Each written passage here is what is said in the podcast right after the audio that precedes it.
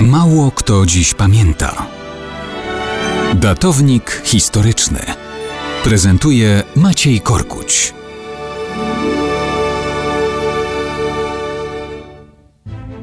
Mało kto dziś pamięta, że 5 lutego 1762 roku odbył się pogrzeb wszechwładnej carycy Elżbiety.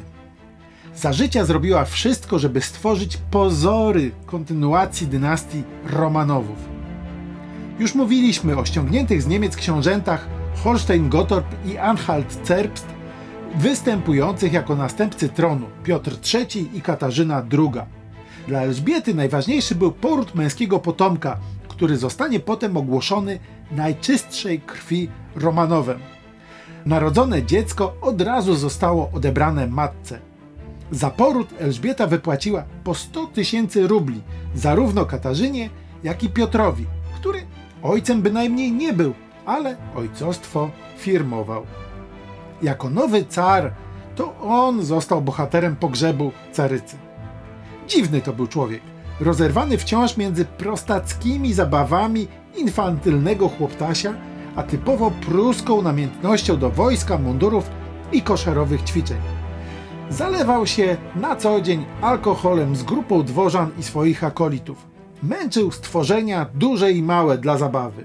Niekiedy sprawiał wrażenie umysłowo ograniczonego. Katarzyna się nim brzydziła.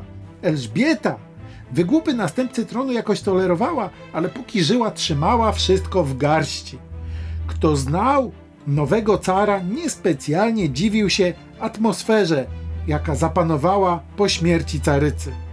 Piotr nie miał żadnych sentymentów związanych z tym, że to ona ściągnęła go z Niemiec, czyniąc z małego książątka następcę carskiego tronu. Nie krył więc radości z powodu zgonu Elżbiety.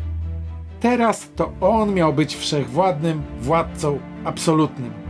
Na wieść o jej śmierci wydał więc uroczysty obiad, a popom kazał śpiewać hymny dziękczynienia zamiast psalmów żałobnych. Radośnie pił na umór. W czasie pogrzebu 5 lutego szedł z Katarzyną pierwszy za trumną, zanim urzędnicy i cały dwór. Urządził więc osobliwy cyrk. Co i róż specjalnie zwalniał kroku, a potem ze śmiechem podbiegał i tak w kółko. Cała reszta za nim musiała zwalniać i przyspieszać. Jedni patrzyli na to z niesmakiem i zgorszeniem, inni też mieli ubaw.